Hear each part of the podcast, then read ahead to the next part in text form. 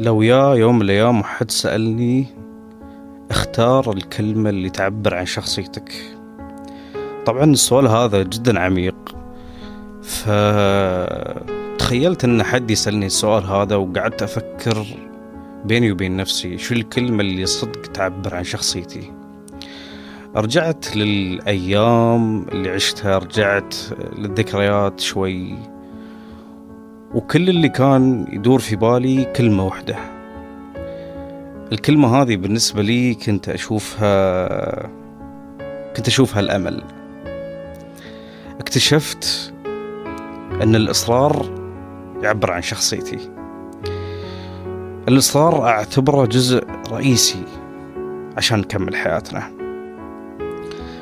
الصعاب اللي نواجهها في الحياة الصعاب تختبر قوتنا وصبرنا بس. لكن الإصرار هو اللي يخلينا نكمل دائما. الإصرار هو اللي يعطينا الدافع. دائما لازم أكون مصر على الأشياء اللي أنا أبغاها في حياتي. مصر إني أنا بتغير. مصر إن هذا المكان مش مكاني.